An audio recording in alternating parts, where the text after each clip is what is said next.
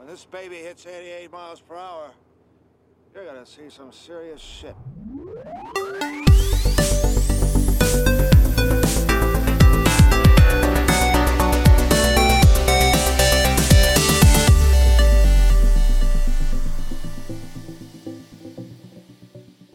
Hej, hallå och välkommen till avsnitt 70 av den sedelärande och folkbildande podden Fulkultur. Hej hej. Hej hej. Hej. Hej, vad kul. Idag har vi samlat en, en härlig panel som vanligt. Eh, gamla favoriter i repris som Andreas Eklöf till exempel. Ja, är det? Det, är Ja. det. det var ändå, en, du missade två avsnitt här, vi pratade om Sagan om ringen. Jag var veckan. sjuk. Det var dåligt. Det var synd, Ja. vart du knäckt. Ja, det Då var sa jag, vill du vara med nästa? Och då sa du ja. Ja, självklart. Mm. Spelar ingen roll vad det handlar om. Och så har vi kallat in Amanda Reventlid igen. Också Ja. ett tag sedan du var här. Ja, det var Det det. var före sommaren. Ja, någonstans där. Kul. Sen har det ju varit lite lugnt under sommaren. Jo, jo, men Men ändå. Mm, precis. Och så har vi en premiär. Mm. Vendela Wik som vi äntligen har fått in. Ja. Vi går premiär avsnitt 70. Jag frågade dig Sara, vad krävs det för att du ska in i Fulkulturstudion? Du bara, då ska vi prata om Tillbaka till framtiden. Ja. Så nu ska vi göra det. Mm. För din skull. Men också för att det har ju ganska nyligen, vi missade ju det, men det har ju varit Tillbaka till framtiden-dagen precis nyligen nu i oktober. Mm. Och jag sa först fel datum, för jag trodde det var 26 vad tror du? 26. Men det var 21. Ja, det var 21 men jag hade lite rätt ändå. Alltså jag hade fel, men jag hade rätt så tillvida att i filmen så är det ju 26 som han åker ifrån. Ja, ja, ja. Men han åker till framtiden, sen då åker han ju till 21 oktober 2015. Så att därav tillbaka till framtiden-dagen. Men eh, ja. Du hade en rätt siffra hur som helst. ja, jag var inte helt ute och cyklade. Nej. I alla fall. Så. Du var inte borta i januari. För de som inte vet så är Tillbaka till framtiden tre stycken väldigt framgångsrika filmer som kom på 80-talet och lite på 90-talet. Och eh, det här är ju lite ett sånt som, som vi kallar då filmklubben avsnitt där vi ser en eller flera gamla filmer och myser med gamla minnen och sådär. Och pratar om, om detaljer och lustiga. Vi gjorde ett Terminator-avsnitt här för, förra säsongen. Och det är oftast gamla filmer och tydligen då ofta tidsresor också inblandat. Så det är det ju även denna gången. Eh, Men vi ska börja som vi ska och gå varvet runt och se om vi har gjort någonting särskilt fulkulturellt som vi vill lyfta upp. Vem vill börja? Vill Andreas Eklöf börja? Det kan jag göra. Det har ju hänt väldigt mycket sedan jag var med i ett avsnitt senast. Mm, du får välja en sak tänkte jag. Jag, kan, eh, jag kan välja ut att jag var och tittade på eh, Venom eh, så sent som igår eller förrgår eller vad- när det var. Jaha. Jag kollade på den för flera veckor sedan. Jag, jag ja. också. Mm, nej, jag har inte hunnit. Okej, för någon som inte alls vet vad ni pratar om. Venom är en karaktär från Spindelmannen-universumet. Okej. Mm, Ja. Han är en superskurk fast han är inte en skurk. Han bara- Antihjälte, Ja, mer antihjälte. Mm. Ja. Han har en Men- symbiot på sig som eh, får honom att bli en dubbelpersonlighet och stor och jättestark och kan förvandla sin kropp till olika vapen och, och lite allt möjligt. Det är Tom Hardy som spelar Venom. Precis. Och också väldigt litet huvud till en väldigt stor kropp. Jag vet inte tänkte på det. Ja, men Venom är, jag vet inte om du har sett Spindelmannen. Han har ju den här Ja. rödblå dräkten på sig oftast. Men sen under ett, ett tag på 80-talet så hade han en svart dräkt. Okej. på sig. Och då var det så att han var ju ute i universums ytterkant med de andra Marvel-hjältarna i Secret Wars och då fick han en ny dräkt Okej. i en maskin som var en jättebra dräkt för den kunde så här ändra form och utseende och den kunde läka sig själv och så. Så den tog han med sig hem till jorden och sen visade det sig då att den dräkten var en levande varelse, en så kallad symbiot. Ja, Okej. Som försökte ta över honoms kropp för den var kär i Spindelmannen. Då var han tvungen att, att ringa jättehögt i kyrkklockor för att få bort den för den tål inte ljud så bra nämligen. Och då, Eller eld. Ja, eller eld för den delen. Men han valde ljud och då vart den, han fick sitt hjärta krossat, den här symbioten. För att varför vill inte Peter Parker ha mig? Så då träffade han Eddie Brook istället. En journalist som hatade Spindelmannen. För att Spindelmannen hade kostat honom hans karriär. Så då slog de sig ihop och blev då Venom, superskurken. Okej. Och det har de gjort en film på. Och Ja. den har du sett. Ja. Och den var inte bra. Den var inte bra. inte? Tyckte, Jag tyckte att den var över förväntan. Nej. Alltså den, den börjar hyggligt och sen så faller den fullständigt i slutet.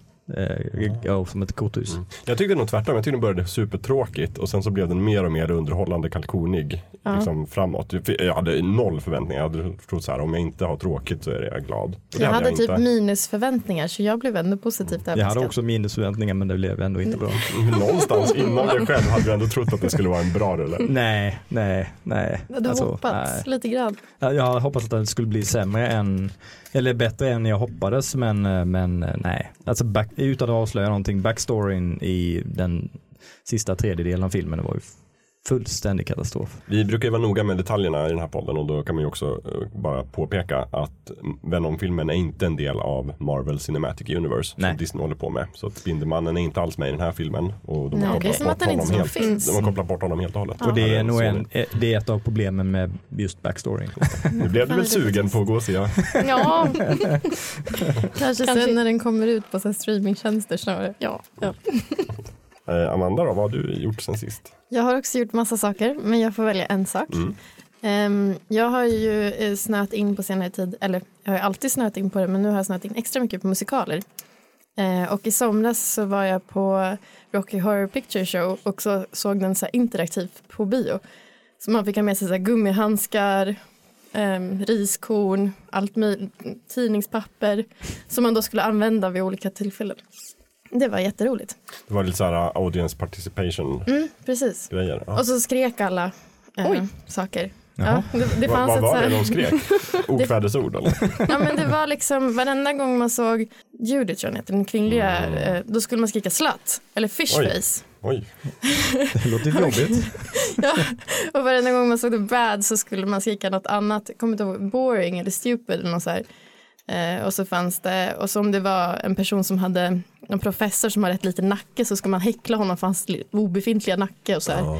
Så det var ibland var det svårt att höra vad de sa på liksom, filmen för att det var så mycket ljud och eh, saker som man skulle Mm. göra. Du och jag var ju och såg i filmen The Room i något Mm. liknande sammanhang. Där var det också mycket sådana här aktiviteter som man skulle välja. Man skulle typ ja, kasta Du- plastskedar på skärmen. Och, Så fort man såg en sked så skulle man skrika spoon Ja. och slänga den på skärmen. just det. Det var, Väldigt kul. Mm. det var jätteroligt. Det här var liksom gånger tio. Oj, Ja, det, det var roligt. Ja. Mhm. Rocky Horror Picture Show som man kan se på diverse tjänster tror jag. Om man Mm. ser filmen, för den har väl filmats senast också. Ja, det har den. Ja, men den finns på, på alla fall iTunes Store och Playmo och sådär. Mm. Kan man hyra. Väldigt bra. Det, det är så bra musik. Nu har jag så här hela sommaren så har jag gått och lyssnat på musiken. Och så här, sjung inte för mig själv. Vi, vi kan se det framför oss. Ja. Ja, kul. Eh, Vendela, nu är det här din första gång. Men Ja. är det någonting du vill lyfta fram fulkulturellt? Som du har sett, läst, hört Oj, om, Det är spelat? jättesvårt. Ja, Ja, På senaste tiden Eh. kanske. du sa att du hade förberett dig. jag har förberett mig. Men, ehm, Jag skojar, man måste, det här är ett frivilligt moment. jo, men jag, eh, har ju, jag är ganska ny hemkommen från Japan, Just. semester. Mm. Och där köpte jag en PS Vita. Som är en bärbar Sony-konsol. Exakt. Ja. Eh. Som det pratas orimligt mycket om på den här redaktionen tycker jag. Ja, det, det gör det faktiskt. Mm. Jag köpte också en i Ja. Japan Ja. samtidigt. Undrar vem som är skyldig till de här konversationerna. Ja, Andreas och Vendela, ni har någon form av liksom hemlig PS Vita-klubb Ja. på jobbet. Men eh, då har jag i alla fall äntligen spelat färdigt Final Fantasy 10 Mm. som jag har haft på gång väldigt länge. Eh, Men nu har jag äntligen köpt en egen vita och kan Kan, fullfölja det. du kan enkelt. verkligen njuta av det ohämmat. Ja. Så. Men för Final Fantasy 10 är inte det ett spel som först kom till Playstation 2? Jo. Eller, ja, Ja. Det stämmer. just det. Och sen så har det uppgraderats och hotats upp och sådär. Ja. Mm. Sägs vara bra. Ja, och det var en, ett, en stor milstolpe. Nej, men det var, det var väldigt bra. Ska inte spoila någonting eller så, men Har du kört alla Final Fantasy-spelen? Fick inte du, alla. Nej. Fick du slutet du ville ha? Eh, Utan att spoila? oj, alltså jag skulle väl säga att alla JRPGs, när man väl lyckas slutfölja dem så blir man nästan alltid nöjd för att det är, nej, det är bra. Det är ju ett äventyr, en resa. Exakt. Ja. Och när man väl kommer i mål så tänker man jäklar, det här, ja. Jag har nästan aldrig blivit besviken. Nej. De som gillar Final Fantasy, de verkar ju gilla det väldigt, väldigt mycket. Mm. Ja, Förutom de som spelar Final Fantasy 13. Men det, ja.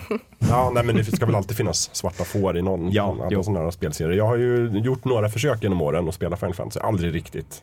Men jag tror att det, det, det ligger nog också i att man måste spela färdigt det. För att jag känner i alla fall det att blir bra. Ja. Eh, ja men nej, inte riktigt så. Men om, när man hamnar i slutet. Ja. Det är verkligen de sista timmarna som, det är i alla fall då jag tycker att, Mm. Ja. Ja, Det Nej, men för det, stä- det stämmer ju för jag har ju Exakt. aldrig riktigt kommit in i storyn och sådär eftersom att jag blir så trött på alla random encounters som inträffar. Ja, det är samma här det. faktiskt.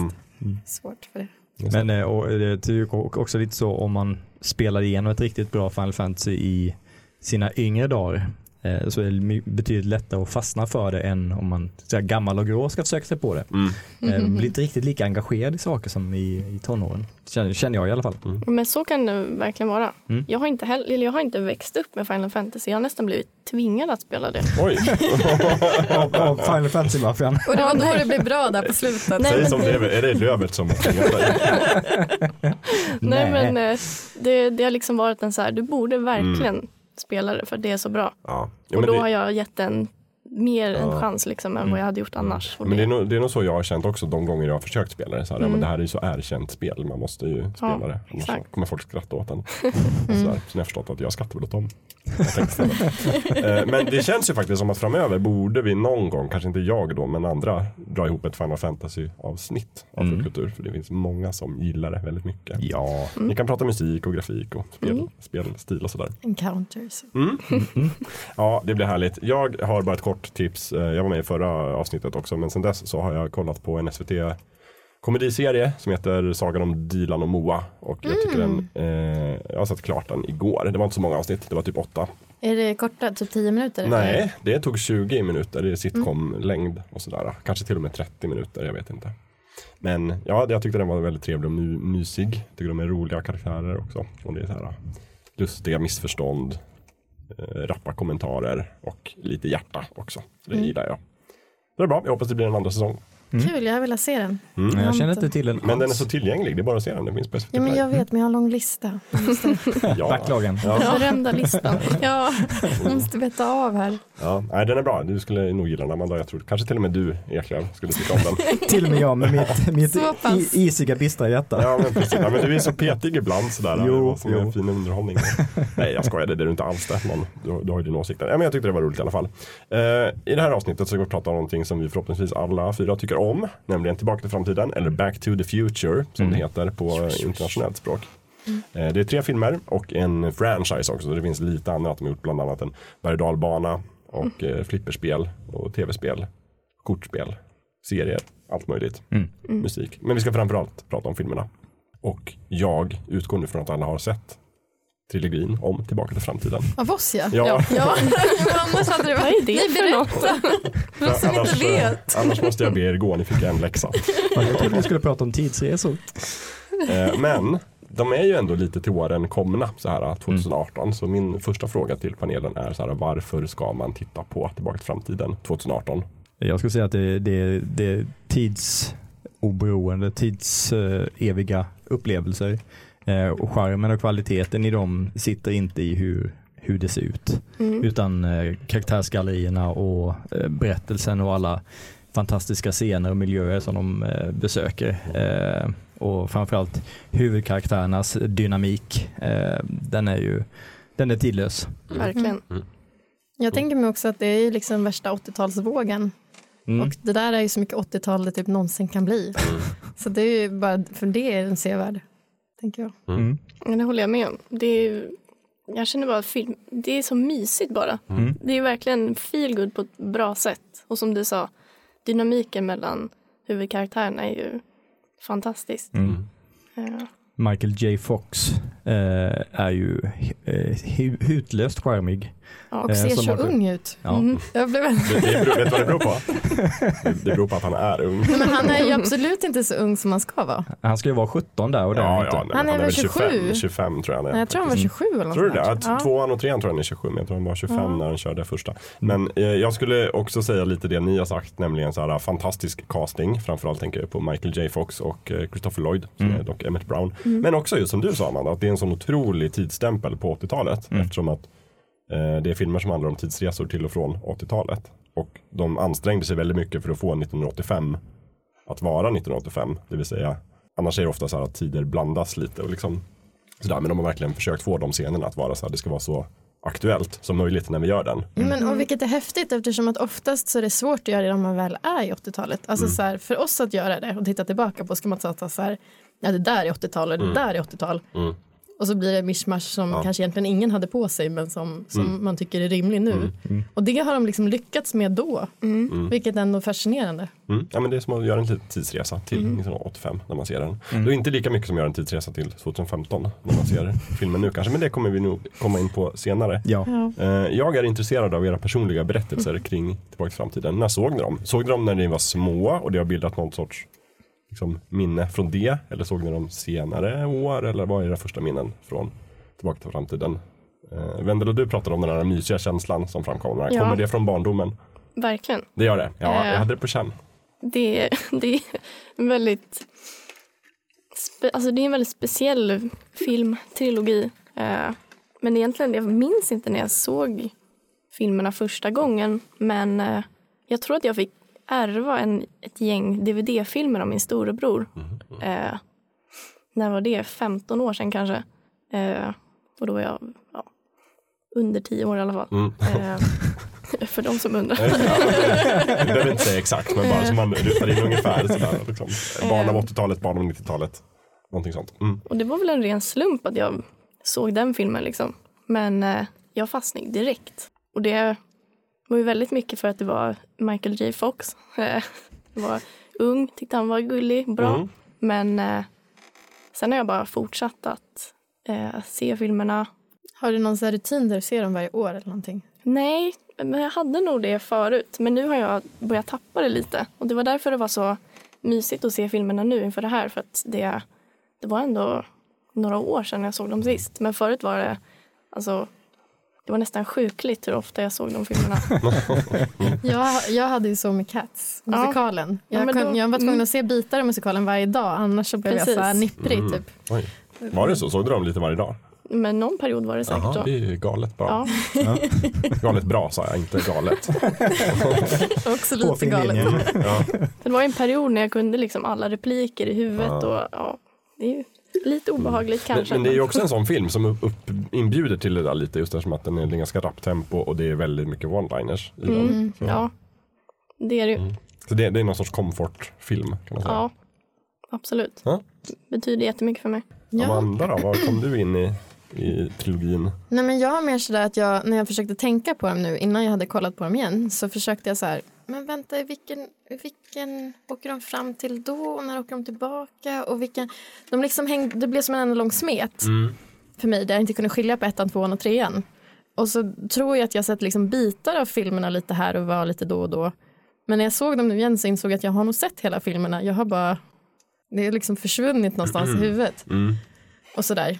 Ehm, men jag har ju alltid så här, jag har, jag, det var nog rätt tidigt jag kollade på dem för jag har ändå minnen av att jag har liksom haft koll på Tillbaka till framtiden. Men jag hade nu som när jag kollar på dem nu så, så blev det som nästan en lite meta för att jag kollade på halva första. Sen gick det en dag så kollade jag på andra filmen.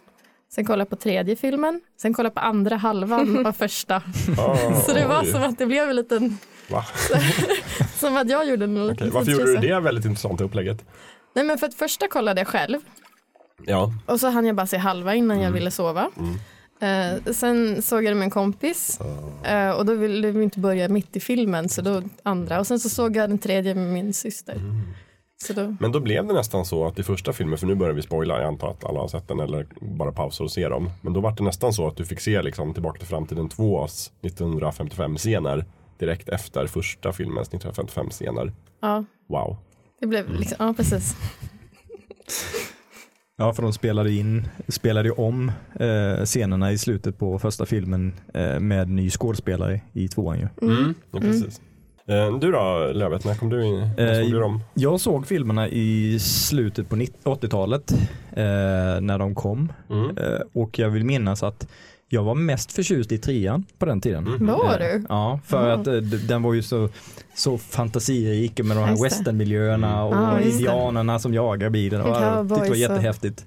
Sen när jag blev lite äldre blev jag mer förtjust i tvåan. Mm. Mm. Eh, för de här 2015 referenserna som vi kommer komma in på senare Mm. och hoverboards och allt möjligt tyckte jag var jättehäftig. Men, eh, men sen, sen dess har, jag, har det i princip varit ettan och trean som är favoriterna. Ja. Eh, jag, jag kollar på dem säkert varje, varje år i alla fall. Mm. Kör du alla tre på rad då eller? Ja, Ja. alltid från Mm. ett Ingen till paus emellan? Nej. Nej. Jo, ibland är det Ja, ja, nej, men alltså, du ser dem inte en varje dag utan du ser alla tre i sträck. Ja. Det, Ja, som ett stort maraton. Mm. Mm, oj. Men inför den här så har jag inte hunnit så då har jag kört en per dag. Ja, ja, det är ändå rimligt. Ja, Det är precis, för, för, men för första filmen hade ju premiär 85 och jag tror även i Sverige. Och sen kom Mm. andra filmen 89 och tredje filmen 90. Mm, 90. ja 90. Men de tvåan och spelade in spelades in Ja. samtidigt. Ja. Det står ju sådär fint i slutet, så to be continued, så man Mm. nästa kommer Ja, just det. 1990. Just det, för det visste de. Då var det nytt år. Så det är tekniskt sett en 90-talsfilm. Men jag Mm. tycker ändå det är en 80-talsfilm. Ja. Ja. Mm. Eh, jo, men jag såg faktiskt inte dem när jag var liten för att vi hade så lite liksom, tillgång på biografer och, och video och sådana saker. Så jag, jag såg aldrig ettan och visste inte vad det var för någonting. Mitt första minne från Tillbaka till framtiden är att jag kollade på typ programmet Filmkrönikan på TV1 eller TV2. Där Gunnar Elin, den gamle, gamle kritikern, som idag kanske är mest känd från Killinggängets eh, filmer, eh, recenserade den. Då var det Tillbaka till framtiden 2 han recenserade. Så detta måste vara typ 1989. Jag var nio år gammal. Och han tyckte det var en dålig film. han tyckte storyn var dålig och liksom så här, ja, imponerande effekter sa han väl eller någonting sånt där. Men typ bara så här, inte så bra story. Nej. Och då visade de bara scenen där när han åker hoverboard över vattnet och blir jagad av de här huliganerna. Just det. Och det var bara så himla futuristiskt så jag blev extremt sugen på att se den här filmen. Mm. Och misslyckades totalt med det i flera år. Och så, för att, jag vet inte, var skulle jag få tag på den? Ja, just det. Fanns Du inget kunde inte bara streama den. Nej, Nej. det gick inte. Och sen, jag minns faktiskt inte när jag såg dem. Liksom, det- jag tror det var många, många år senare. Alltså Mm. in på kanske 2000-talet eller någonting. Och då såg jag med några kompisar hela trilogin från början till slut. Kanske det. med någon dags mellanrum sådär. Och sen gjorde vi samma. Ja, men jag tycker nästan att det är det enda sättet att se den här storyn. Antingen så ska man bara se första filmen och aldrig någonsin se tvåan och trean. Nej. Det är ett sätt, jag tycker inte det är rätt men man kan göra så. Men annars så ska man ju se dem i rad. Men om man ser dem i rad, för det tänkte jag på, att jag, jag, när jag såg dem så tänkte jag så här, det här kanske passar bättre om man ser dem med lite tid emellan. Mm. Eftersom att det är väldigt många, alltså det är ju lite grann samma film, tre gånger om. Ja, jag har tänkt exakt samma sak. Det är väldigt mycket exakt samma skämt, de, de kommer ungefär samtidigt, det är liksom, Jo, ja, men det bygger mycket på repetition. Alltså mycket av humorn ligger i att här, samma sak upprepar Ja. sig. Oavsett om det är 55, 85 eller 2015 så är det så här, repliker kommer tillbaka. På det sättet så påminner det ju mycket om så här, alltså, så här gamla deckare. Så här, engelska landsbygden deckare. Där skurken alltid kan göra en, mördaren kan alltid hitta en plott utifrån att folk gör exakt samma sak varje dag. Typ så här, Exakt klockan ett så går fru Persika liksom vägen ner till stationen. generationer. Ja men precis, och det, är bara så här, det kan man planera ett brott på. Det är lite så här också. Mm. Alltså, Biff Tanner och alla de här karaktärerna rör sig längs den här liksom, kulissartade torget. Men ettan och tvåan är ju mycket mer eh, karbonkopior på varandra än vad trean är. Mm. Ja. Den, Fast- den skiljer sig ju en del i story och eh, karaktärer och skämt. Fast och, han hatar gödsel i alla filmerna. Ja det gör han. Mm, det det. Det finns en röd tråd. jo, jo, nej, men det har ni nog rätt i. Men jag menar också, jag menar kanske inte att man måste se dem rakt på varandra. Men att man, man kan ju ta en varje dag. Mm. Eller till och med en varje vecka. Men eh, ändå att man ser dem liksom som en enda sammanhängande story. Vilket det ju från början inte var tänkt som. Det var ju Tillbaka till framtiden 1. Var ju aldrig tänkt att den skulle få två uppföljare. Nej. Det är ju Robert Zemeckis och Bob Gale som har gjort de här filmerna. Robert Zemeckis har ju sen gjort sådana storfilmer som Forrest Gump och Castaway Han är ju regissör. Polarexpressen. Ja, just det. Mm, han är ju regissör. Men de trodde ju inte det skulle bli en hit. Utan det här var ju någonting de fick liksom tjata sig till att göra. Mm. Och Michael J Fox trodde inte det skulle bli en hit. Kanske direkt. Nej, han var inte ens med i filmen från första början. Nej. Nej. Bara den storyn kort är ju att han, de ville ju ha med honom från början. Exakt. Eh, De bara, det här är ju som klippt och skuret för Michael J Fox. Vilket de har helt rätt i. Mm. Eh, Men han kunde inte. För han gjorde en tv-serie då på den Exakt. tiden. Som hette Family Ties. Eller Femmifamiljen. Som inte är att förväxla med eh, Party of Five. Som är ensamma hemma. Det är en helt annan Vikt- serie. viktigt mm, ja, men viktigt. Ja. Eh, Men sen så, och då tog de in, vad hette han nu, Erik Stoltz. Exakt. Och så i efterhand så är det skönt att de ändå fick loss Michael J. Det Fox. kanske inte hade blivit en suc- sån succé annars. Nej, Nej. jag tror inte det. Michael J. Fox känns väldigt eh, eh, essentiell för upplevelsen. Mm. Han är väldigt sprallig. Mm. Ja. Ja, man har en, en charm och naturlig utstrålning som är svårt att efterlikna. Och något jag tänkte på också, väldigt mycket studs i bena. Det är som att han hela tiden är lite såhär boing i typ allt han gör. Det är liksom studs. Ja. Men jag tror till och med de övervägde att typ inte göra filmen. Men eh, de hade ju någon sån här, jag, minns inte namnet, men han producenten är tydligen ganska galen, hade väldigt mycket åsikter. Han sa bara nej, gör det med stolt, det blir jättebra. Men då sa han typ så här, men om det verkligen inte funkar, då kan ni ta in en ny skådespelare och, och spela, och filma om alltihopa. Och de gjorde inte liksom super, super många scener med Stoltz, men ändå ganska många. Men de märkte så här, det här funkar inte, det blir inte bra. Jag tror han, märk- han har sagt i intervjuer att han märkte det själv också. Att det, Ja. det kändes inte bra liksom. Fast det undrar jag också om det är så här efterkonstruktion. Ja, det kan det ju eller vara. om man verkligen innerst inne känner så. Att Och jag var- antar att man också rätt. känner att de vill inte ha mig här egentligen. De vill ha Michael J Fox. De bara, jag är inte Michael. Ja. Åh, om man hade kommit med en mask en dag så jag är Michael. Jag är Man vill lägga av, du är Erik Stoltz. Försvinn härifrån din lovar. misslyckade skådespelare. Jag kan Kast, också studsa. kastar grejer efter honom bara försvinn, försvinn. Det är som i Nej, men, tecknade eh, serier när de kom in med så här pappaansikte. Ja, precis. Ja. Men- Men jag tycker att Erik Stoltz var jättebra i filmen Memphis Bell i alla fall. Mm. Så att, Ja, han är inte dålig men han är inte dålig, men han är ingen riktig humorskådespelare på det sättet. Det är Nej. jättesvårt att tänka sig honom. Det finns ju på extra materialet om man köper mm. Blu-ray och DVD-utgåvor så finns det ju det de filmade med honom. Mm.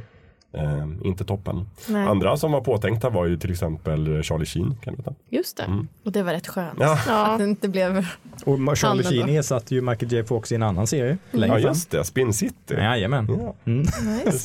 Som var verkligen så här, typ samma karaktär fast inte samma karaktär. Nej. Bara ny som kommer in men gör exakt samma sak. Ja. Mm, jättekonstigt. Ja. Ja. Eh, Men hur som helst så efter de sparkade stolt och bara firade så lyckades de till slut och plötsligt kunde Michael J Fox. Fast han fick liksom spela in Family Ties på dagen. Och sen fick han typ flyga två timmar och komma till inspelningsplatsen för Tillbaka till framtiden, spela in på kvällen och typ pendla tillbaka, sova på planet. Men så allt är inspelat på kvällen? Ja, typ. Även Och på helger.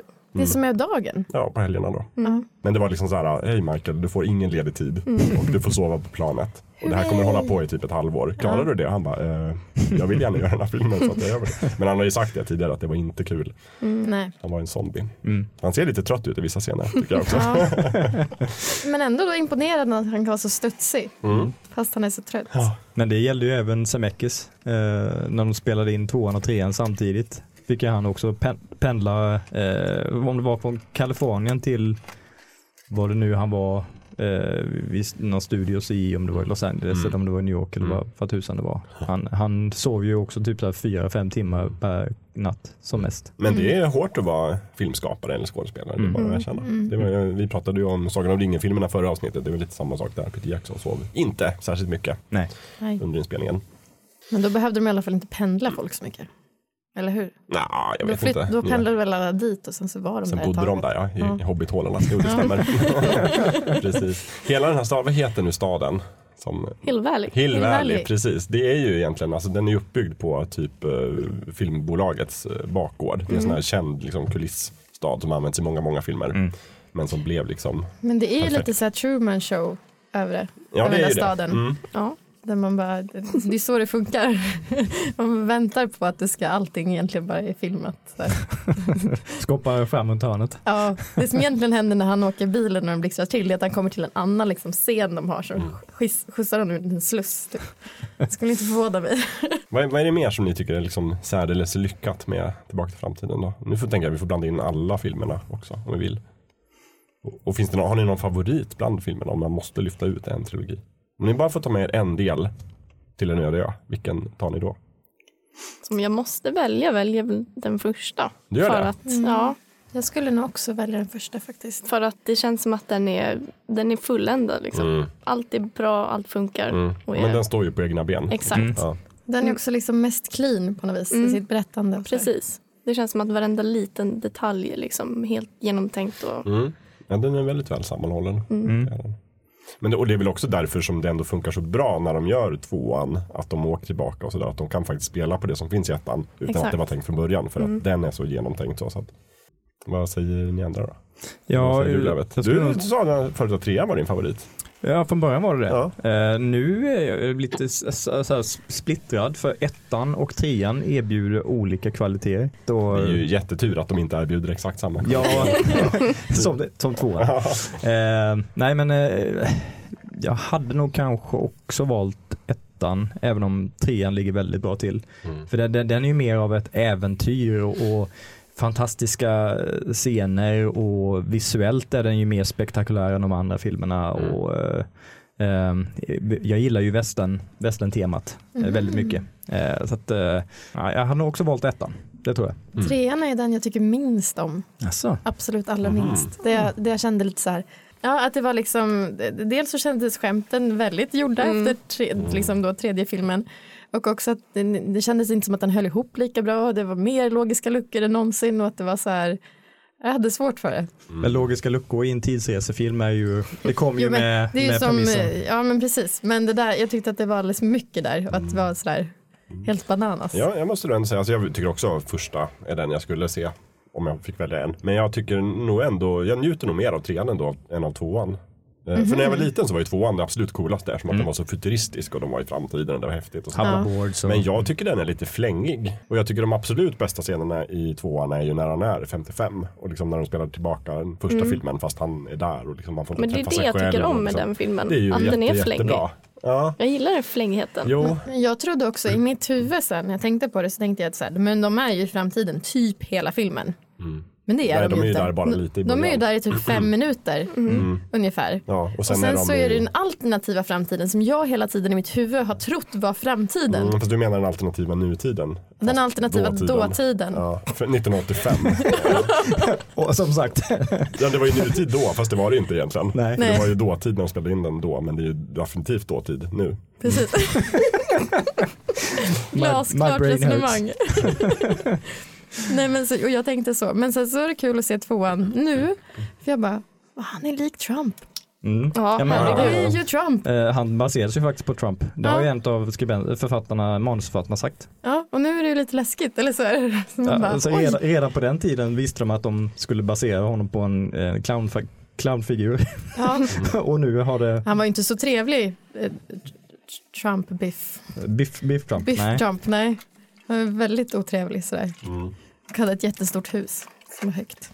Just det, Biff Tannen som alltid spelas av Thomas F. Wilson. Mm. Som bland annat gör en massa röster i Svampbob Fyrkant. Gör han? Ja, Jaha. så är det. Och dessutom så spelar han ju Todd Maniac Marshall i eh, Wing Commander-spelen. Mm. Bredvid Mark Hamill som är då eh, Ja, just det. huvudpersonen i rollspelen. Mm. Det är så.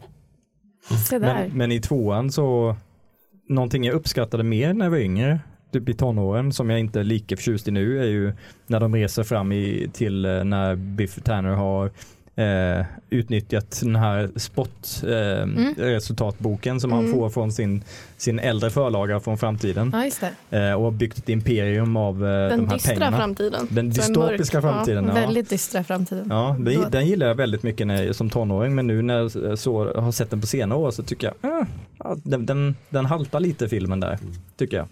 Eh, och Lo- Lorraine, eh, eh, Martys mamma som har skaffat bröstimplantat och är Mm. lite allmänt eh, Mähä. mähäig. så Och också, man förstår fortfarande inte riktigt hur det gick ihop. Att hon någonsin gifte sig med honom.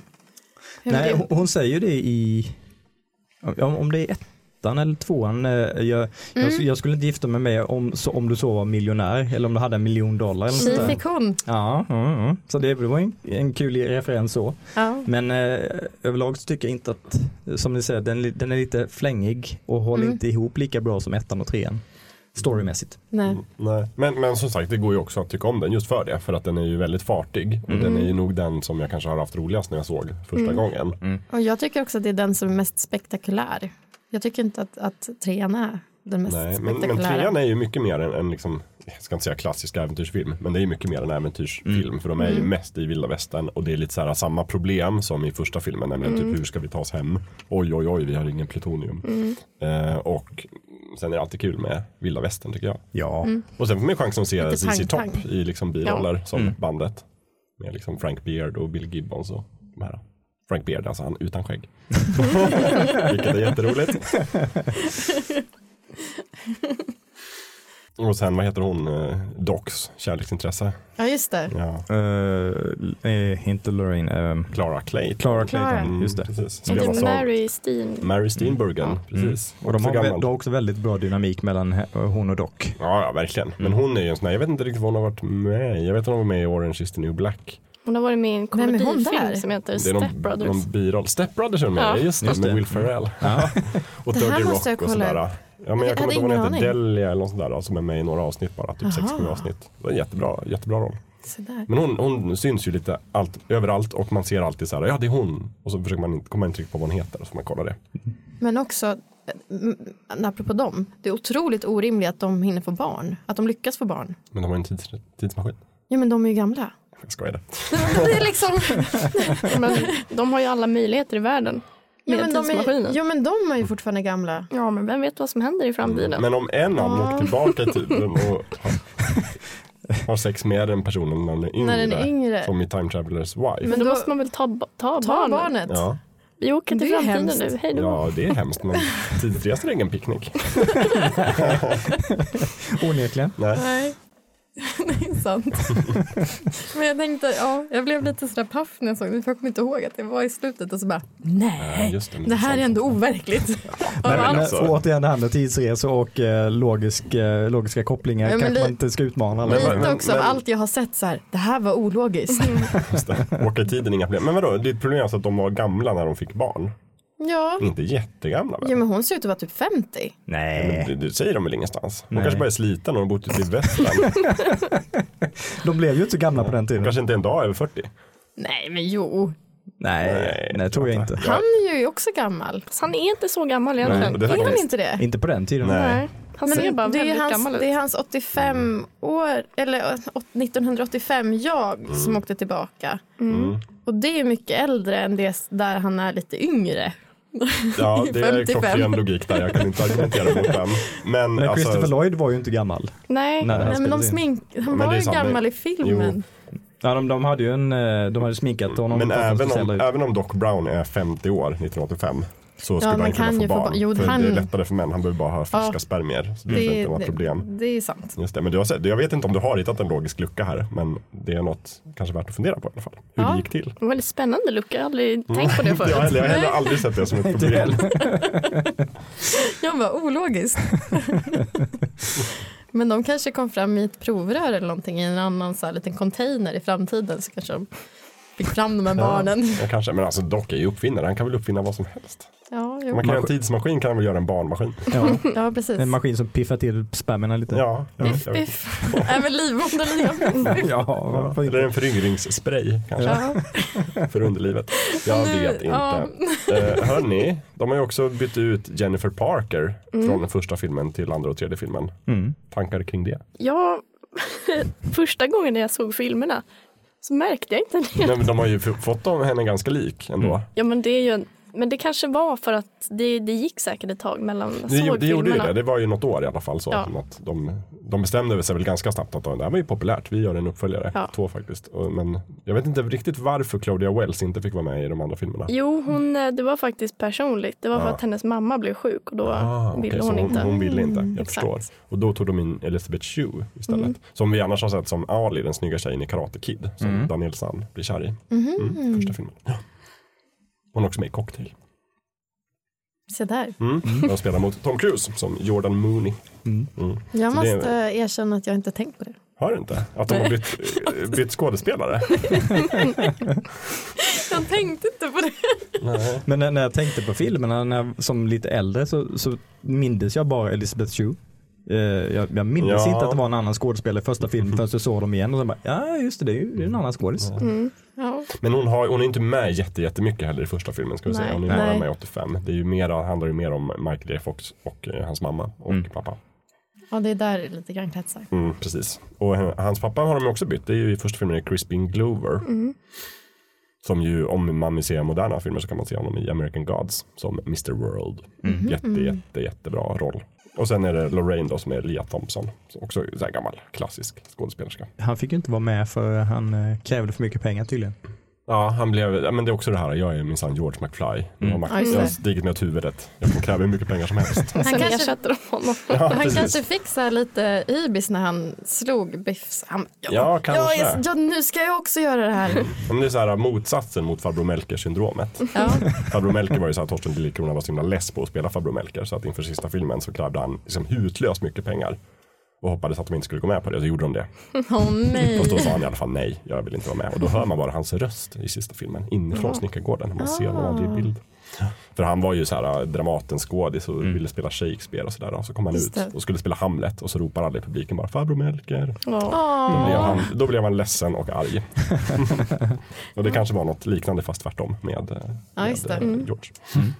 Annars så, om jag får välja en enda sak som är den största behållningen med filmerna så är det faktiskt inte Michael J. Fox utan jag tycker ändå Christopher Lloyd är den roligaste karaktären Mm. för att han spelar så mycket med ansiktet och hans munspel. Han har så galen blick. Ja, och hans, hans stirriga ögon är också så här, Ja. och det är som från första sekunden till typ sista så är alltid så här. Ja, den, han är ju väldigt så här på, på hugget. Mm. Alltså, han, de där ögonen är ju... Ja, men han, är liksom, det är som, han, är han har druckit någon form av koffeindryck fast liksom kraftigare. Men inte, Mm. han är liksom borta fast Kanske med lite dryckig. amfetamin. Ja, Mer än kaffe. Och så har du tokigt geni på det. ja, hans frisyr och Ja, frisyren är ju helt... Och hans catchphrase, Great Scott. Mm.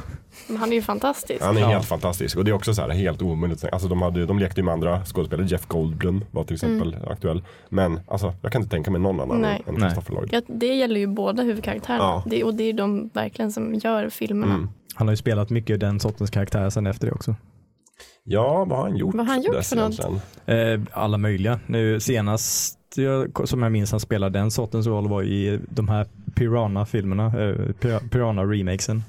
Eh, inte bra filmer, men hans karaktär är väldigt skön.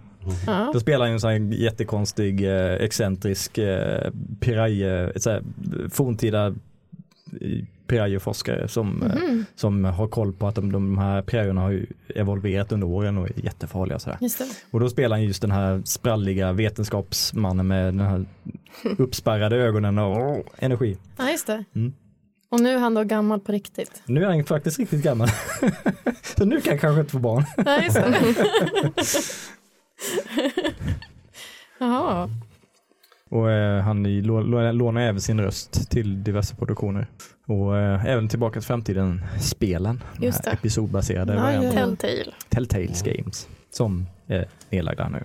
Just det. Ja, just Men eh, de gjorde en säsong av det. Vad tycker du om, vad tycker du om det spelet då? Eh, För jag har ju kört bara, jag körde typ de två första episoderna och tyckte det var lite sömnigt. Jag har bara Fast- kört första episoden faktiskt. Mhm. Eh, men jag, jag tyckte, alltså han som gör Martin McFlys röst, det är ju inte Michael J Fox. Nej, Eh, men han gör ett väldigt bra jobb. Mm, det gör han Eh, faktiskt. efterlikna. Men, Mm. men, men epis- den episoden jag testade i alla fall eh, fångade inte mig.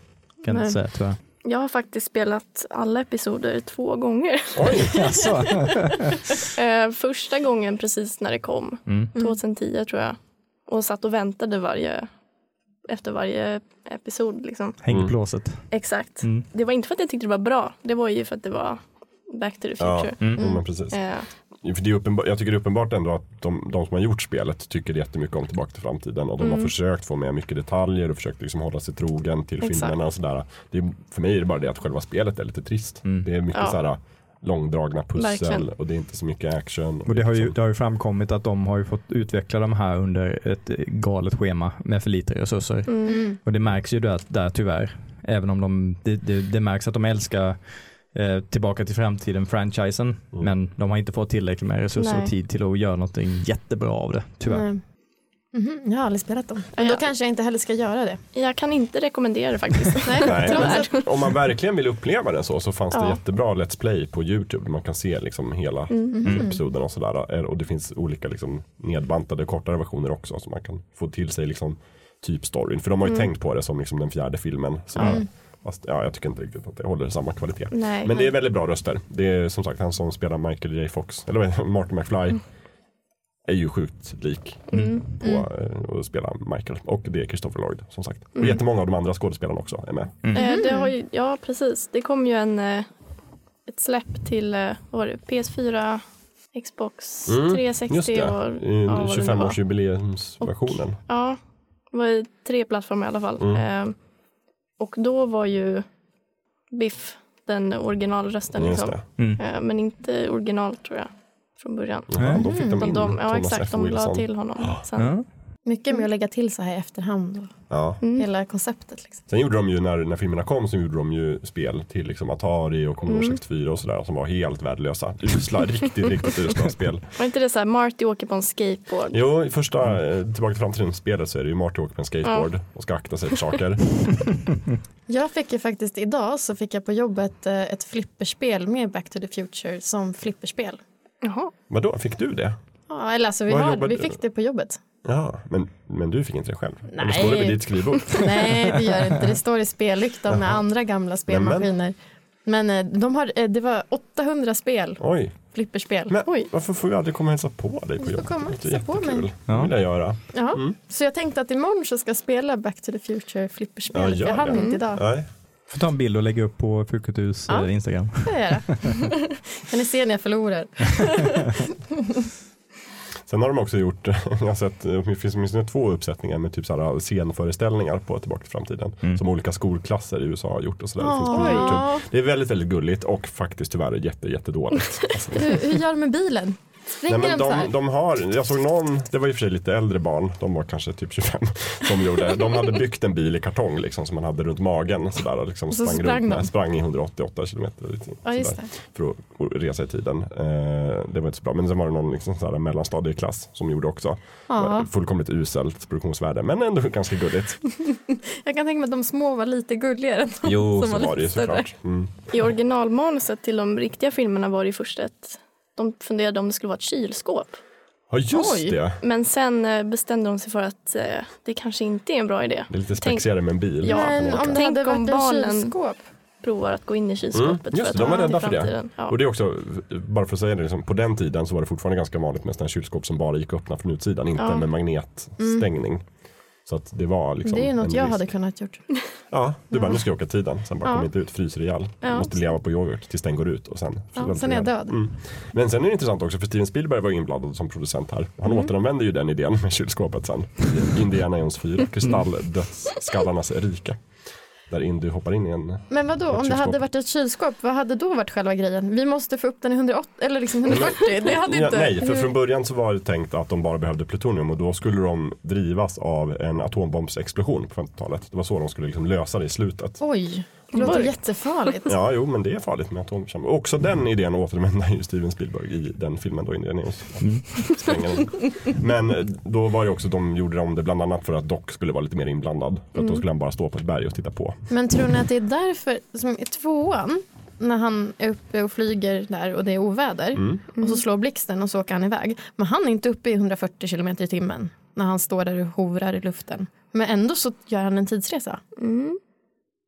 Ja, de, de förklarar ju inte exakt hur det funkar men eh, tanken är väl att Men det eh, kanske är en gammal sladdis då från det här kylskåpet som bara Men det ju, nej, det tror jag inte, för det var ju första filmen. Så. Ja, det, det är väl, eh, det är ju, det sägs ju inte explicit men det, det är väl att den, den får den här energiboosten som krävs för att aktivera. för man behöver vara uppe i 140 kilometer i timmen plus komma upp i 1,2 gig- Fast det är ju för Gigawatt. sig den, gigawatt. den uppdaterade Ja, framtidsbilen så de kanske har ändrat Just det, konceptet för där har de lite. ju Mr Fusion som, som kan skapa energi av allt Kan möjligt. ner bananer just och annat skräp i den ju. Ja, ja, ja. Men då borde det väl ändå vara hastigheten som är viktig och inte om man nu kan göra, om man nu kan stoppa ner bananer och det blir Mm, ja, då har man ju energin fixad. Ja, så då behöver borde det fortfarande bara vara- upp i rätt hastighet. Ja. Mm. Ja, och det är Det det, han sant. inte är. Ja, men vad då åker han i tiden av misstag? Ja, jo men av- eh, han Blixten svävar i slår bilen honom. så slår blixten ner så försvinner han. Tjoff. Det är därför han hamnar i vilda västern. 1800. Mm, jag såg ju den här häromdagen. Men han kanske, hade, han kanske blev så stressad av blixtnedslaget att han somnade på ratten och sen så tryckte han ner gaspedalen och kom upp Men då i gick, han från, då gick han från 0 till 140 på 0 sekunder Ja, men de kan ha och försvann samtidigt. De kan ha klippt. Jag vet inte, men det tror jag i så fall är mer en logisk lucka än eh, det här barngrejen. Ja, det Jo. tror jag Tror jag med. ändå. På tal om bilen. Eh, DeLorean. DeLorean. Den blev ju något eh, populär efter de här filmerna kan man säga. Mm. Det är också så kul att tänka sig, för om man sett den liksom i efterhand så tänker man att det är en tuff bil. Ja, Och det var det ju på sätt och vis, men det var ju lite av ett skämt också när de Mm. gjorde den, för att det var en ganska så här fiaskobil. jag såg den Den var, ju, häromdagen. den var ju inte alls populär. Att den Ja, var så dålig. Jag dålig såg bil. en på Söders gator för Mm. inte så länge sedan. Jag fotade den. Det Var kanske den- var, var jag. Åker du runt igen? Nej, men jag önskar. Mm. Men var, det, var den pimpad som Tillbaka till framtiden? nej, det, nej, det var det nog inte. För jag tror vid det här laget så måste det vara flera DeLorean som ser ut som Tillbaka till framtiden-bilen Ja, än Gud, vanliga ja. DeLorean. Många, Mm. många fler. Det Ja. tror jag också. För de gör ju också Definitivt. efter filmen så börjar de göra nya DeLoreans bara Mm. för att den liksom blev så Mm. populär. Sålde de många? Ja, alltså gör de väl då och då. Mm. Ja. Men det finns ju inte jättemånga kvar. Eh, det, är ju några, några av dem som äger den som får åka runt på diverse mässor med sina DeLoreans. Ja, precis. Konstigt liv. För det är också i Vad filmen är så du? den Jag har är ju alltid DeLorean-ägare. den, den har ju alltid problem med kopplingen och med att starta och det är liksom Ja, ja. så här, det är ingen bra bil. Nej, det är ingen bra Nej, bil. det verkar inte vara så bra att åka Nej, i. Men den har lite stil, det har den, det får man ge, Jo. ge Doc Brown. Finns det fler andra bilar som man får upp eh, sådär? Ja, jo, jo, jo, det kommer ju ett par stycken. Mm. Ja. Ja. Men de är inte lika populära. Eh, De är nog mer populära än vad DeLorean var. Ja, Och bättre bilar förmodligen också. ja kanske. Det är ett väldigt dumt koncept måste jag säga. Ja, Att dörren åker upp. Oj, titta, där ser man en bild på Amanda med en DeLorean. Nej, det är min syster som jag fick. Eh, Jaha, hon, okej. hon Titta, posade. jag trodde det var du, ni som var- Då lägger vi upp det där i länklistan, tycker jag också. mm.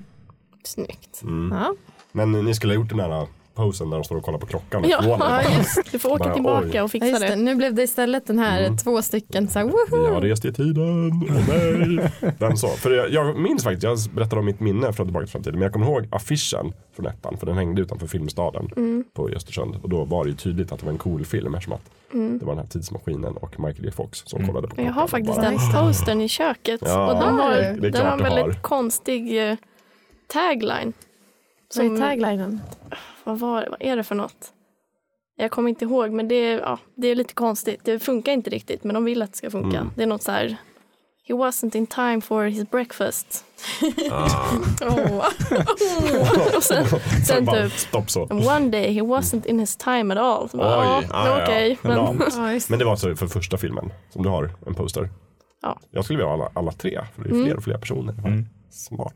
Men vi får gräva fram den sloganen och lägga upp i länklistan Ja. också. Så att ingen Ett annat minne att som jag inte nämnde. Jag såg reklam för eh, eh, Tillbaka till framtiden 2. Eh, och blev supersugen på det och det är ju den här Mm. scenen när de eh, gör reklam för Hajen 19. Ja. Eh, Med det här stora hologrammet som kommer ner och ska Åh, bita. Mart i huvudet. Ja. Jag kommer ihåg när jag såg det som liten. Och, Åh, det här är- det måste vara det häftigaste någonsin. Och då uppskattade jag inte riktigt humorn i att de drev med att det är Hajen Ja, 19. Still looks fake. Still looks fake, precis. Eller med att det var så många uppföljare. Ja, dels med, Nej. med den kommentaren också. The shark still looks, looks fake. Ja, det var en väldigt dåligt gjord haj kan man väl säga. Ja. Jag förstår inte att han blev så rädd. För att man bara, åh ett Men han är från 85, leksaksmonster jag tror kommer du hade också blivit Nej rädd. men vad, lek, det ser ju ut att vara en Ja, men det kan ju vara någonting. Du ser ju att det blir någonting som kommer emot Ja, dig. jo det gör jag ju. Jag menar den första biovisningen när tåget anlände till stationen. Folk blev ju livrädda. Sprang Det var därifrån. bara en biofilm. du hade varit den som kommer in bara, men hörni, hörni, lugna ner er. Det är bara en film. Det är bara rörliga bilder på duk. Fast också med tanke på hur häftigt jag brukar reagera på typ filmer och sådär så kanske jag inte hade, jag kanske hade tror varit den som du hade hade blivit sprungit. livrädd om det kom en, en datagjord haj och skulle äta upp dig. Men jag vill också minnas att det var mycket så här humor kring uppföljare Mm. på 80-talet. Just för att det var ju uppföljarnas liksom gyllene årtionde. Att man började prata om, men Hajen 19 och Rocky 56 och sådana där grejer. Mm. Eh, Något jag tänkte på när jag såg dem det är att jag är glad att de har kommit väldigt mycket längre med sminkningar i tv och film. mhm. Mm. Alltså, De, här, de här när de ska bli äldre så ser det ut som att de har en stor kaka på ansiktet. Ja. De kan Mm. knappt röra en enda min för att de har så mycket smink och så här latex som ligger på. Mm. det har jag nog aldrig Mm. tänkt på. Äh, det, Jo men det, Jo, men det- ser det är verkligen ganska ut som dålig att de sminkning. har en Det är väldigt tjock dålig sminkning. på sig. Ja, det är fruktansvärt dålig sminkning. Mm. Så det kan jag vara tacksam över att det är något som har blivit liksom, Men jag undrar, också om typ det, jag, jag undrar också om det har med själva tiden att göra eller om det bara har med att det var typ en sån film. Att de liksom tyckte att det ska se lite överdrivet ut. För det är ju liksom Michael J. Fox spelar ju liksom sin egen Mm. pappa och sin Mm. egen brorsa och alla möjliga versioner och sin egen mamma och sådär. Att det ska vara lite så här att typ roligt sminkat. Mm, eller så kanske. var de bara så kassa nej men jag tror att det så. var så, så kast. För jag tror att det var någon gång på typ efter 2000-talet någon gång som det faktiskt blev väldigt mycket bättre smink. Mhm. För att jag kommer ihåg att, att mycket filmer när jag var liten var liksom så här kaka i ansiktet. Mm. Mm, kaka i ansiktet. En gammal eh, bortglömd sminkmetod.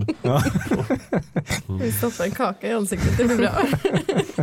Är det något annat i filmerna som kanske inte har åldrats så här super nu när ni såg dem nyligen? Alltså de, de grafiska effekterna är ju uppenbart daterade nu. Ja, Men, men för att vara släppta i slutet på 90-talet eller 80-talet så tycker jag ändå att de ser bra ut. Mm. Mm. Det är bara om man jämför det med eh, filmer som kom i början på eh, 90-talet och mitten av 90-talet så är det ju uppenbart Mm. sämre Ja, presentation. men speciellt flygande bilar. Mm. Mm. De är liksom Mm. inte alltid så bra. De har ju de här typiska eh, kan- kanterna runt om bilen Mm, och ja. ljussättningen är helt Ja. fel jämfört med omgivningen och sådär. Men ja, eh, det är ing- inget som stör eh, den visuella upplevelsen allt för mycket tycker jag inte. Nej. Jag tycker inte det är så mycket som, har, som inte har åldrats väl egentligen. Med tanke på att det är så många delar som är liksom uppenbart överdrivna om man Ja. säger så. Mm. Till exempel framtiden. Det är ju liksom, Den är jätterolig. ja, exakt, det ska vara kul och överdrivet liksom. Mm. Men jag hade kunnat önska att han skulle ha plexiglas solbriller snarare än de här plast, äh, pappersbrillorna Ja, som någon har klippt ut i 3D-glasögon. Ja, det. Nej, men, ja, nej, men den här, eh, när Doc kommer tillbaka så har han så här, Alltså de här spegel, Ja, spegelbrillorna. just det. som är typ utklippt kartong. Ja, men det, som man har nej, det, stör, det stör inte mig. Det är störde mig lite. Jag hade velat ha liksom någon typ av plast. nej, men då är det väl ändå en av Biff Tannens kumpaner i 2015 som har så här riktiga 3D-glasögon. Ja, som det är ett ju- rött och ett blått. Det är lite käckt i och för sig. De, de förutspådde ju ändå lite saker som skulle komma att användas. Vi, vi, vi har ju nämnt att 2015 förutspåelserna stämde ju inte riktigt. Nej. Men de förutspår ju eh, 3D-glasögon, VR-glasögon och eh, PDA eller så här, plattan och lite annat. Jag Eh, tänker det är flera grejer som de nästan ror i hand med. Ja. Som att eh, Martys son går hem och startar sex tv-kanaler samtidigt. Mm. Just det. Och det, det är ingen som Fast sitter på väldigt gamla skärmar, eller hur? Ja, exakt. Men också att det är ingen idag som sitter och tittar på eh, fem olika tv-apparater bredvid varandra. Eller? Men vi sitter ju och gör fem grejer Ja, samtidigt. just det. Ja. Ja, men precis. Vi har inte fem tv-skärmar men vi har kanske en Exakt. Telefonskärm och en Ja, tv och en iPad. Så och sådana grejer tycker jag Mm. ändå att de träffade. Men sen att de inte kan tänka att det skulle finnas en platt tv liksom. Nej. Nej, det är ju rätt roligt att det Ja. är liksom vissa grejer som man bara, men det där är ju jättegammal Ja. teknik. Jo, men precis. Men det- det är ju också, alltså, den, den var ju futuristisk då och nu är den snarare liksom retrofuturistisk. Att det, var så här man tänkte sig framtiden på 80-talet. Det är ju väldigt mycket 80-tal i framtiden. Mm. Men så är det ju såklart. Det är ju fruktansvärt mycket 80-tal. De är ju barn av sin tid. Mm. Och, men också så här, just, jag tänker också, för jag tycker att de får till så mycket rätt. Och ändå som känns, ja det är väl bra eh, liksom spådom. Men så andra är så helt orimliga. Typ så här, trodde de verkligen att det skulle vara flygande bilar 2015? Det är ändå bara 30 år senare. Mm. Men det är det enda jag är besviken på att det inte är i Men det verkligheten. är det också Mm. alla använder som så här, äh, riktmärke. Typ så här, Ja. Nu är det 2014, var är de flygande bilarna? Ja. Nu är det 2015, nej inga flygande Inga bilar. flygande också bilar. Så här, bara, kan de inte, jag tänker att man borde räkna ut att det kommer förmodligen inte komma. Ja. För det är inte så praktiskt. Nej, vad då är jättepraktiskt? Inte om man ska köra dem själv. Jo, Men de har ju motorvägar i- då kör man inte själv. Nej, men man sitter i den. Ja, men tänk bara på hur många olyckor de eh, självkörande bilarna har varit i. Eh, Jo men det är ju nu, själv- det här är ju själv- framtiden. Ja, nej, men alltså, det är så här, det, det, dels är det bara tekniskt är det ju ohållbart att de skulle kunna starta och landa och så Mm. och flyga och liksom där, det, där hoppade de i galen Det var tunna. mycket värre än de här barden. Ja, Men eh, hoverboards eh, fanns ju faktiskt till 2015 fast de var väldigt rudimentära. Ja. Men också tycker jag det är så konstigt att det är verkligen så här, de tycker att det är ett sånt, och det är lite för att filmen ska funka såklart, men det är så otroligt vattentäta glapp mellan dåtiden, nutiden och framtiden. Typ när Martin McFly kommer till 2015. Det är verkligen så här, de pratar om 80-talet som Mm. att ingen minns det. Det är så här, de har typ ett museum och de har så här Ja. retro, de berättar så här, Då det skulle man här- behövt åkt ännu längre i Ja, framtiden. De Det, här- det det här här är kallas- en dammsugare. Det här, Det var så här- kallas, det här kallas en bok, man hade omslag. Ja, ja de men hade inte, så bara, men alltså ja, dammsugare finns förmodligen kvar. Eller så här, Mm. någon, din mamma, även om inte du har haft en dammsugare hemma så har ju din mamma haft den och du Mm. vet förmodligen vad det är. Det är lite så här, det är lite too much. Men jag köper Mm. det ändå för att det är så härligt. mm, det har ju charmen då. Mm. Mm. Väldigt mycket Michael Jackson också. Ja, Ja. men det finns ju ingen som mera bättre sammanfattar 80-talet. Nej. Nej, Det är som att om de hade åkt till 90-talet så var det såklart Britney Spears de skulle ha använt. Mm. Mm. tur att de inte Eller åkte till Backstreet 90-talet. Boys. Eller Spice Girls.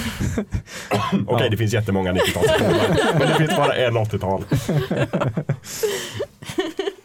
Och Johnny B. Good i första filmen. Ja, just Det var väldigt precis. bra. Jo, Mm. jo, precis. Som man också väldigt mycket hör att det inte är han själv som sjunger. Mm. Ja. Men däremot så spelar han själv. För Michael J. Fox, han spelar gitarr och han lärde sig den låten till Just filmen. det. En annan konstig grej mellan första filmen och andra och tredje filmen tycker jag är hela det här temat med att Martin McFly, att hans trigger word är att bli kallad för en chicken. Ja. Det syns ju ingenting av i första filmen. Och plötsligt så är det liksom en så här, man får inte säga det till honom för då blir han vansinnig. Men i första filmen helst. är det ju hans pappa de säger det till. Ja, Och sen så switchar de till Marty. Ja. ja, just det. Just Men det det. kommer jag. ändå, men du, så det menar att det skulle vara någon effekt av att han har res- rest i tiden i första filmen och gjort om? Nej, du, jag vet. Jag tror de bara tänker att Ärftligt. ja, Men de använder Han också vann. andra ord. Jag tycker det var jätteroligt. I trean så kallar de yellow hela tiden Ja. istället. Mm. Ja men det är ju, det är ju eh, västern, ja jalla. Ja, Ja, men det var, det var kul. det var kul. Jag bara, det där är ju ett nytt ord. För det har ju skett, det har varit mycket, mycket spekula- spekulationer på nätet, typ så här, om liksom, vad har Martin McFly förändrat egentligen? För han förändrar ju ändå nutiden, alltså 85 när han kommer tillbaka, så det Han har ju ändrat rik. saker. Eller Det är också jättekonstigt att de pratar så mycket om så här, livsfarliga konsekvenser av att förändra tiden, men de gör ju det hela tiden. ja. Utan att det var ett problem. Och det, är bara, den- det är bara de riktigt stora eh, ändringarna som man får se effekten av. Mm. Ja. Alla de små ändringarna får man inte se effekten Precis. av. Och det tänker jag, det är alla logiska luckor. Det förklaras av att de har rest i tiden och ändrat Ja. saker. Men Så också att, att Doc liksom bara slänger det där bakom sig och bara nej, jag ska, det enda jag ska göra är att resa i tiden. Ja, och i Oavbrutet början säger han tiden. vi måste bränna tidsmaskinen. Ja, Ingen just ska det. någonsin åka i tiden mer. Och sen bygger han ett tåg till. bananas. Och pimpade deluxe Ja. så här RGB. Men han säger också det i slutet av första filmen, bara att ja, ja, när Michael J. Fox frågar, Martin McFly frågar så här, men vad händer med alla tidsparadoxer och så här, man ska inte veta så Ja, mycket om sin framtid. Bara, ah, I just figured, what the hell. Men det är ju så härligt. Det är ju han i sin karaktär så bra. Liksom. Nötskal. Och sen också roligt i andra filmen, när han så här, jag vet inte vad som händer om man träffar på sig själv. Så här, bästa Ah. fallet så bara svimmar man, Mm. värsta fallet, universum går under. Men det är absolut värsta som kan hända. Det Kan- kanske kan- bara är våran Kan, galax. ja precis, kan bara galaxen. Så skön attityd. Det är bara, äh, det är inte så låt farligt. gå, låt Ja, gå. jo, han är ju en, en vetenskapsman Mm. rakt igenom. Men det är ju den, den lekfulla attityden som genomsyrar alla filmerna som är så jäkla charmig. Mm. Den är fenomenalt rolig och bra. Det är Mm. därför vi pratar om den också. Ja, Eh, Men sen kan jag tycka att liksom vissa grejer, att vi har ju tagit upp det redan, att den är så tydligt eh, förankrad i 80-talet. Både liksom om den skilda framtiden och 50-talet. Vilket jag tycker att det finns inget mera sätt att vara en 80-talsfilm på än att handla om 50-talet. För det är så många 80-talsfilmer som gör det. Typ Dirty Dancing, samma sak. Det är en 80-talsfilm, utspelar sig på 50-talet. De måste vara besatta av 50-talet på något sätt. Är det lite likt på något vis? Jag vet inte. Det är lite over the top. Jag, var, jag fanns ju på 80-talet, så att, men jag Ja. minns inte riktigt. Jag, Kom inte Grease på 80-talet? Jo. Eller? Den 80-tal? utspelar sig på... Nej, den är... Nej. Eller är jag helt lost nu? Jag vet inte. Men Det Grease är väl kanske 70-talsfilm 70-talet. tror jag. Är det? Okej. Ja, Men typ slutet på 70-talet Ja. kanske. Mm. Men det är också jag vet 50-tal. inte. Men, Men det, var, det- kanske bara har med generationen att göra att de så här, började fundera på. Men jag tänker mig att det är ju, på 50-talet så är det ju så här puffigt och stort och typ så här färgsprakande Mm. Och sådär. Och det är det ju också på ett sätt i 80-talet. Så det kanske Men inte ligger så långt ifrån. 80-talet kanske förhöll sig till 50-talet som vi förhåller oss till 80-talet nu. Exakt, det tänkte jag också på. Mm. Just det. Ja, just det. Det är en, en retro-nostalgi. Precis Just som det. vi har den Det, som, 80-talet. det som filmregissörerna går omkring och minns och Mm. funderar på. Mm. Då var det 50-talet, nu är det 80-talet. 80-talet. Wow, det är därför vi har så mycket 80-talsvåg här. Ja. Mind blown, väldigt intressant. Ja. Sen, sen kan jag väl också känna ibland att liksom en del av så här humorn eller liksom hur man skildrar typ så här dating och relationer och sånt kan kännas väldigt 80-talsdaterade. Mm. Typ jag tycker det är svårt att se hela den här scenen när Biff som ju ändå är någon sorts humoristisk karaktär liksom försöker våldta Ja, Just det. mamman. ja och det, det för blir det så är här- rätt grov våld. Alltså det är Det är verkligen rätt att man, så grovt. här, Ja. Mm. man bara det är super duper duper uppenbart att hon inte är med på det på något håll. Och han är väldigt skiter i det. Ja. Han fattar ju också att han inte får egentligen. men precis, och de är tydliga med att det här är ju ingenting bra. Det här är dumt för Biff är en dum karaktär. Men det är ändå lite så här att det ska vara lite Plojigt roligt. liksom. Och sen så fortsätter de, de har ju honom som lakej. Och han, liksom, i gör också, han gör också väldigt så här, det är inte små övergrepp. Det är väl, han är väldigt aggressivt liksom. Så, så den grejen kan jag lite svårt för att, de så här, att han är en sån himla liksom, humorkaraktär fast dum. Han är som en schablonskurk fast Mm. han gör såna grova saker liksom, både i första och andra filmen. Eh, men, men det är också så här, alla 80-talsfilmer jag ser har ju lite sånt. Mm. Det är så här jättekonstigt att se alla de här liksom, uh, Brat Pack-filmerna där det alltid är liksom date raping och tafsa och alla sådana saker. Man kan säga att som det var idag känns innan- jättekonstigt. Man kan säga att det var innan metoo.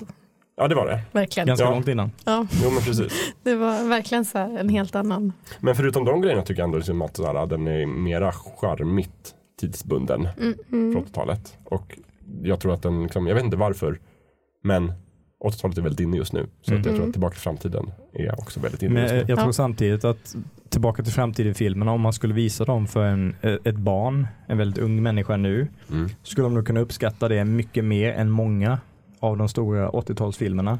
Just på grund av den här charmen, attityden och lekfullheten som Mm. finns i filmen. Ja. Mm. ja, men det tror jag. Bättre än eh, Black Moon Rising till exempel Mm. med Tommy Lee Jones och Linda Hamilton. Mm. Som ju är en härlig 80-talstriller men som är lite seg idag. Mm. Den har också en futuristisk bil men den har inte samma humor som Tillbaka till framtiden. Den är inte lika studsig. Eh, ja, vi börjar närma oss slutet på ännu ett avsnitt. Men eh, Mm. jag tänkte ändå att om man nu har liksom plöjt Tillbaka till framtiden-trilogin, och man har spelat eller sett spelen, man har grävt fram det här gamla eh, Nintendo-spelet på första filmen och liksom åkt skateboard med Martin McFly. Och känner fortfarande, man har lyssnat på eh, fantastiska soundtracket av Hans Zimmer. Men man känner ändå att man vill ha mer tidsresor, mer Michael J Fox, mer Christopher Lloyd. Har ni några tips? Vad kan man göra? Kanske främst andra tidsreseverk eller någonting. Något som har samma humor. Någonting som man kan använda för att döva törsten. Oj. Svårt va? Alltså jag kan Ja. inte alls på något sätt motivera varför. Men för mig i mitt huvud så är de lite lika och jag gillar dem på samma sätt. Femte elementet. Mhm, just det. Men det är inte så mycket tidsresa egentligen. Nej, men det är flygande taxibilar. Mm. Det har de ju. Och det är humor, Och det är humor. li- äventyr Mm, visst. och eh, lite kritiskt sådär, tidskritiskt. Mm, mm. Eh, så den skulle jag nog tipsa om. Absolut, bra. Ja, men lite samma känsla är det kanske. Mm, Jag ja. tycker ju, ja. Den är skojig och lättsam på samma sätt. Liksom, Mm. vis. Mm. Fast också lite hemsk. Mm. Jag tycker egentligen att man kan se också alla filmer som Michael J Fox är med i. Mm. Han har, han har ju lite samma sköna humor överallt. Nästan han med i Spin City tycker jag är en rolig tv-serie. Att se den är också väldigt tidsbunden fast mot 90-talet. Sen finns det jätte, jättemånga tidsresefilmer jag kan tipsa om. Men vi har faktiskt pratat om tidsresor både när vi pratade om Terminator och när vi pratade om Doctor Who. Så att jag tror det finns jättemycket tidsresefilmer tips där. Mm. Som är lite tyngre kanske. Jag skulle säga, eh, det är inte, inte samma typ av humor eh, alls, men eh, lite av den här lättsamma, fantasifulla eh, tidsresande äventyret och det är ju Bill and Teds galna äventyr. Det är en väldigt annorlunda typ av humor, mer så stoner-figurer som Mm. flänger runt i tiden. Men eh, det, det har lite samma attityd och atmosfär eh, som eh, Tillbaka till framtiden. Eh, och kan man acceptera den sortens humor så skulle jag rekommendera dem. De har en väldigt, jag tror det är tvåan som har en väldigt rolig scen med där döden besöker himlen. väldigt roligt. Jag, det här är kanske inte riktigt någon rekommendation, men om man det, är gillar... det en varning? En antirekommendation. Nej, men det är väl lite både och egentligen. Eh, om man gillar Michael J Fox, eh, Teen Wolf, ah, eh, Just det, också en ja. 80-talsfilm. Mm. Eh, den har jag sett otroligt många gånger och inte för att den är bra egentligen. Eh, men det är väl, ja, det är lite så här bra, dålig film typ. Den är också lite så här 80-tals mysig men väldigt Lite guilty pleasure kanske? Exakt. Mm. Eh, men ja, den är egentligen inte bra, men Nej. den är mysig på något sätt. Mm. Eh, så om man gillar 80-tal och Michael J Fox så kan man se den. Mm. Och vissa grejer är bra och vissa grejer är bara är kul. Det är kul att se. Mm. Ja, vi gjorde ett avsnitt om det när vi pratade om sådana, de här förbjudna filmerna och Exakt. annat. Där vi, de, de som man egentligen inte, inte borde gilla men inte kan sluta se. Mm. Och det låter ju som en sån. Ja. min, min lista av dem är lång. På ett sätt så borde man nästan kunna se Groundhog Day för att det känns lite som samma sak. Alltså det är Ja, men det- samma sak som Ja, ska... faktiskt. Precis, det är ändå också 80-talet eller kanske till och med 90-talet. Nej, det är från 80-talet. Ja. Och lite tidsrese-ish. Mm. Och lite samma humor. Och just, just det här eftersom att man bara istället för då att man upplever samma dag igen Mm. så blir det lite samma film. Alltså Mm. just de här skämten som återkommer och Det är personerna som är på samma ställen och så här, lite så här känslan av att det bara går runt, runt, Mm. runt. Mm. Just det. Just det. Jag kan bara lyfta, jag vet, det är inte heller liksom så stora likheter förutom att Christopher Lloyd är med. Men det är ju Star Trek 3, The Search for Spock. Som är typ från 87 eller något sånt där. Mm. Så det är lite tidsmässigt samma. Lite samma klass på specialeffekterna. Men där spelar Christopher Lloyd eh, en klingon. Mm. En elak, ond skur- skurken i filmen. Klingon-kaptenen. Han gör det väldigt bra faktiskt. Ja. Här, här, han är ju en, en skicklig skådespelare. Då är han ju mera, han är inte lika hoppig Nej. som Doc Brown. Han är mycket mera sminkad. Mycket mer sminkat. Mm, men det, det är en fröjd att se det bara för det. Mm. Eh, ja, det var väl det. Nu eh, tycker jag att vi ska ta och avrunda det här avsnittet. Och så kan vi bara flagga för att Fulkultur är tillbaka om två veckor. Då har vi ett Mm. annat ämne i, i fickan som kommer. Och eh, det blir lite annorlunda. Och kanske lite kopplingar också. Det pratar vi om då. Ja, spännande liten teaser på slutet. Ja, Just det. be continued. Mm. Och så vill jag som vanligt tipsa om vårt Instagramflöde, Fulkulturpodden, vår Facebook-sida på Facebook Fulkulturpodden och vår Tumblr-sida där länktipsen läggs upp på fulkulturpodden.tumblr.com. Kul, kul. Jo, jag ska tacka er också för att ni var med och ville prata om den här gamla härliga filmerna Tillbaka till framtiden med mig. Eh, vi kanske får skäl att återkomma, vem vet? Vendela, Amanda, Andreas. Tack ska ni ha för att ni var med. Tack Jakob. Tack själv. Tack för ni som har lyssnat också. Vi, Ja, tack. vi hörs. Hej då. Hej då!